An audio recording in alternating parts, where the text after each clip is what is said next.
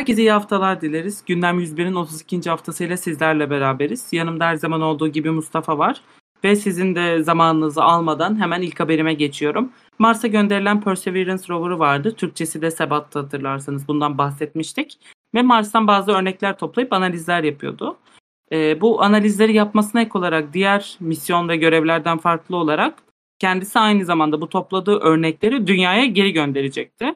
Mars toprağını delerek elde ettiği örneklerden bazıları ise kaybolmuş. Bu gizemli olay geçen hafta ortaya çıkıyor. Rover'ın bünyesinde bulunan 43 tane toplama tübü var böyle örnekleri içine aldı. İlk bakışta hiçbir sorun yok gibi duruyordu. Jerezo kraterinin yakınlarından yapıyordu bu arada bu işlemi. Çünkü eskiden orada su bulunma ihtimali olduğu için hani o bölgede e, canlılığın da orada olmuş olma ihtimali yüksek zaten. O yüzden o bölgeye yakın alanlarda gerçekleştiriyor bu toplama işlemini. Bu örnek toplama delikleri böyle baş parmağınız kalınlığında çok büyük örnekler çıkarmıyor zaten hani yerden aldıkları. İşte zemine böyle baş parmak büyüklüğünde delik açıyor. E, açılmış görüntülere göre aslında bu inceliyorlar hani raporları vesaire. Görüntülere göre yerde dölük var. E, onun dışında örnek tübünde taş yok ama. Hani yeri delik açılmış ama örnek tübünün içinde örnek yok. Zaten bu tarz görevler çok nadir gerçekleşiyor. Hatta hani nadir değil bu direkt ilk görev. Çünkü şu an gezegenimize başka bir gezegenden insan misyonuyla bir taş getirilmedi. Ay'dan geldi. Hani Ay'da zaten uydumuz. Bu ilk olacaktı. Bunun sebebi de zaten çok ne denir pahalı oluyor böyle bir misyon yapılması. 2030 yılında ülkemize gelmesi bekliyordu. Mühendislerin çok kafası karışmış ama NASA'nın ekibi şu an bu durumu araştırıyor. Örneği topraktan çıkaran kolun sensörlerini de incelemişler. Kayıtlarına vesaire bakmışlar. İşte basınç sensörleri vesaire bir şeyin alındığını, çıkarıldığını, tüpe konulduğunu gösteriyor kayıt olarak. Görüntüler de bu yönde. Ama örnek tüpünün içinde taş yok. Final olarak baktığımızda. Şu an bu gizemi araştırıyor NASA'daki bu Perseverance'dan sorumlu olan ekip. Tuhaf. Acaba graviteyle mi alakalı bir şey diye düşünüyorum ama e, hiç sanmıyorum açıkçası bu kadar direkt olarak akla gelebilecek bir hata yapabileceklerini. Ya da belki sıvılaşmış bir e, ya da gazlaşmış bir sıvı çekiminden bahsedilebilir. Böyle aklıma direkt sıvı nitrojenimsi şeyler geliyor. Orada bir ağırlık aldığını varsayıp bir boşaltma yapılabilir ama daha sonrasında kendi kendine buharlaşabilir gibi. Ancak tabii bunların hepsi havada kalacak hipotezler olacaktır sadece. Yakında herhalde bir açıklama yapılır yoksa artık periler cinler e, Mars'ta dolanıyor diye NASA'ya birileri birkaç haber sunabilir. Benim bahsetmek istediğim haber birazcık iklim değişikliği ile alakalı ve bu balıklarla alakalıydı. Ee, özellikle de hem soğuk hem de sıcak sularda göç ederek yaşayan balıklarda ki bunlara örnek olarak hamsiyi verebiliriz. Ançüez olarak biliniyor. Sardalya'yı verebiliriz. Bluefish olarak bilinen bizdeki işte istavrit, sarı kanat, büyüdükçe işte lüfere dönen ki istavrit, çinekop, sarı kanat, lüfer şeklinde gidiyor bu balıklar gibi önce soğuk suda daha sonrasında da sıcak suda ya da işte yıl boyunca gösterdiği göçte bu tarz bir göç yolu izleyen balıklarla alakalı. Karadeniz'den başlayarak göçüne Marmara ve Ege'den devam eden daha sonra da Akdeniz'de Cebel Tarık'tan çıkarak okyanuslara devam eden bir balık türü özellikle Sardalya'dan bahsetmek istiyorum örnek olsun diye. Ve yine bu sulardan geçen bir sürü balık türüyle alakalı bir çalışma var. Her canlı türünün girebileceği su sıcaklığının belirli bir sınırı var. Örneğin bazı tatlı su balıkları ki bunlara kendi akvaryumlarımızda da görebiliyoruz. 25 derecenin üzerinde dahi yaşayamıyor. Deniz balıklarında bu durumlar biraz daha dayanıklı oluyor. Ancak büyümelerinde bir yavaşlama gözlenmeye başlamış bu canlıların özellikle sular ısınmaya başladıkça. Yağlanarak büyüyen balıklarda sıcaklığın artışıyla beraber boyutlarda ufalma gözlenmeye başlamış. Çoğu memelinin aksine canlıların büyük kısmında ki sürüngenlerde böyle, amfibilerde böyle vesaire yaş olgusu diye bir durum yok. Canlı ne kadar besin tüketirse o kadar büyüyor ve e, büyüdükçe belirli bir boyuta ulaştıktan sonra ancak cinsel erginliğe ulaşıyor denilebiliyor. Yani mesela bazı canlılar için 7 santim geçtikten sonraki balıklar için de biliyoruz. Hamsi için 9 santimi geçtikten sonra cinsel erginliğine erişmiştir. Bu canlı artık üreyebilir gibi şeylerden bahsediliyor. Yani aynı türden ve hatta aynı popülasyondan iki farklı canlı farklı miktarlarda yemek yiyorsa en çok yemek yiyen daha erken cinsel olgunluğa erişiyor. Eğer canlıların ömrü 7-8 yılsa e, bazen 1 yıllık yani 2 yaş 3 yaş gibi farklılıklar bile oluşturabiliyor cinsel olgunlukla alakalı. Ee, her iki konunun da birleştiği nokta şu. Canlının boyutu ufaksa cinsel olgunluğa erişmemiş demektir. Sebebinin sıcaklık veya yiyecekten olması bir fark yaratmıyor. Buradaki e, hacim olgusunun oluşmaması büyük ihtimalle canlının yeterince yağlanmamasından kaynaklı. Yağlanmamasının sebebi de sıcaklığın oluşmaması. Daha doğrusu sıcaklığın fazla yüksek olması. Bu e, hacmin oturmamasıyla beraber de canlıların cinsel olgunluğa erişemeyeceği gibi şeyler bekleniyor. Bunun haricinde benim kafamda bir yapay seleksiyon fikri de oluşmaya başladı.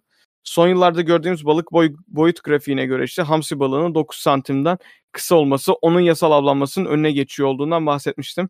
Yani sadece 9 santimden büyük balıkları avlayabiliyoruz biz. Acaba bu durum canlılar üzerinde bir seleksiyon olgusu yaratmaya başladı da canlılar daha ufak boyutlarda da cinsel olgunluğa erişebilecek fizyolojiye sahip olmaya başladılar mı gibi bir soru çıktı benim kafamda. Yani hamsiler hep 9 santimi büyük olan, 9 santimden daha büyük olan hamsiler avlandığı için acaba bu canlılarda 8 santimde de cinsel olgunluğa erişme gibi olaylar olmaya başladı mı? Ya da 7 santimde artık canlılar yumurta bırakabiliyor mu, sperm bırakabiliyor mu gibi şeyler olabilir diye düşünmüyor değilim açıkçası. Ben de şimdi bu hafta yayınlanmış olan ve gerçek bir ejderhaya en yakın şeyin keşfedildiğini ileri süren Queensland Üniversitesi'ndeki bir paleontolog olan Timothy Richards'tan bahsedeceğim. Richards ve aslında takımı bu hafta yayınladığı çalışmada canlı olan, e, canlının adını şu an yanlış söylüyor olabilirim ama Tapugaka Shavi olarak geçiyor isimlendirmesi. İlk kelime aslında o bölgede yaşayan ilk insanları ithaf ediyor, onlara ait. İkinci kelime de fosili 2011 yılında keşfeden Len Shaw'a ithafen verilmiş. E, bu demiş olduğum canlı Pterosaurus grubundaki Anhagerians'a dahil fakat böyle çene yapısı dolayısıyla ve uçması sebebiyle ayrışıyor aslında. Dediğim gibi aynı zamanda uçabiliyor. Çene yapısı aslında uçmasına destek olan ergonomik bir beden şekline de olanak sağlamış bu canlıda. Bu Pterosaurusların aslında ilk uçabilen hayvan grubu olduğunu biliyorduk biz.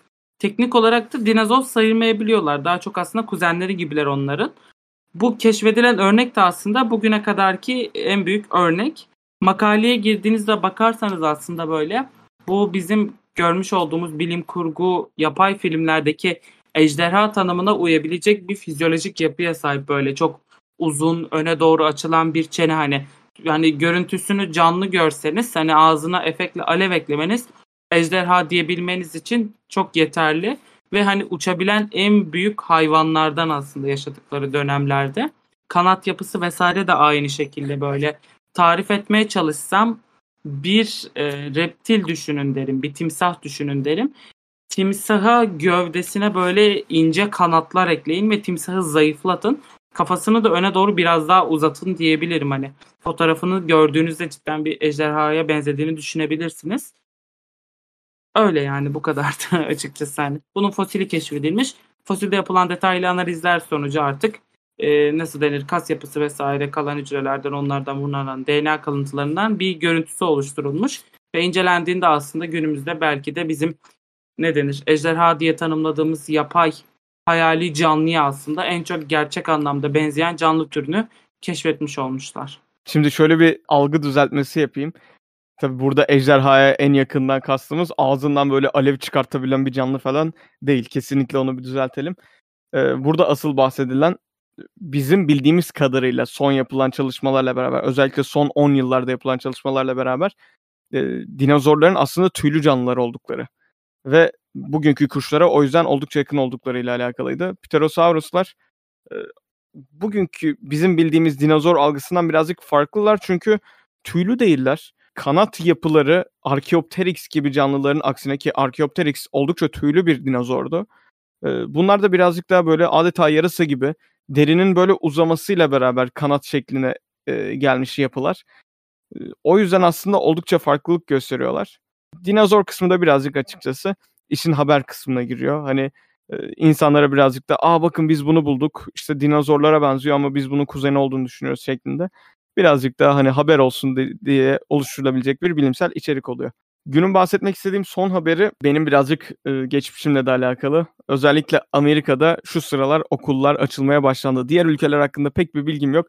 Ancak Amerika'da Ağustos'un ortası, başı ya da Ağustos'un sonu gibi çünkü eyaletten eyalete değişiyor. Okullar açılmaya başlıyor. Bu okullardan kastım ilkokullar, orta öğretimler ve liseler şeklinde. Yani bizim ilkokulumuz, ortaokulumuz ve lise eğitimimiz şeklinde karşılık olarak. Üniversiteler e, kendileri bir farklı takvim oluşturabildikleri için e, bunlar hakkında net böyle tarihler olmuyor. Dediğim gibi Amerika'da yakın zamanda ilkokullar, ortaokullar ve liseler eğitime başlayacak. Hatta bir kısmı da başladı bile. Bu durumun bize yarayan bir yanı var. Hem bizden bir ay öncesinde açıldıkları için Covid konusunda bize yol gösterici olabilirler. Hem de gelişmiş bir ülke oldukları için Covid ile ilişkili dataları bizden bir ay önce yayınlayıp yaklaşık ne gibi sorunlarla karşılaşabileceğimizi ve çözüm yollarını anlamamıza yardımcı olabilirler. Bunun haricinde tabii e, Amerikalıların işte Covid rakamları mesela artmaya başladığında ne gibi yollar izlediler ve bunlardan e, olumsuz sonuç aldılarsa mesela bizim o son, e, o yolu kullanmamamız gerektiğini çok net bir şekilde gösterecek. Mesela e, sayılar artmaya başladı. Bunlar dediler ki çocuklar iki tane maske taksın artık. Çift maske taksınlar ancak sayılar işlemedi. Artık biz biliyor olacağız ki çocukların çift maske takması hiçbir işe yaramayacak bu konuda. Geçen eğitim öğretim yılı içerisinde de böyle bir haber paylaşmıştık hatırlarsanız. Ancak gerek Türkiye'de okulların açılmamış olması gerekse de yeni varyantların ortaya çıkmasıyla ülkemiz için yeni olguların ortaya çıkacağını düşünüyorum ben.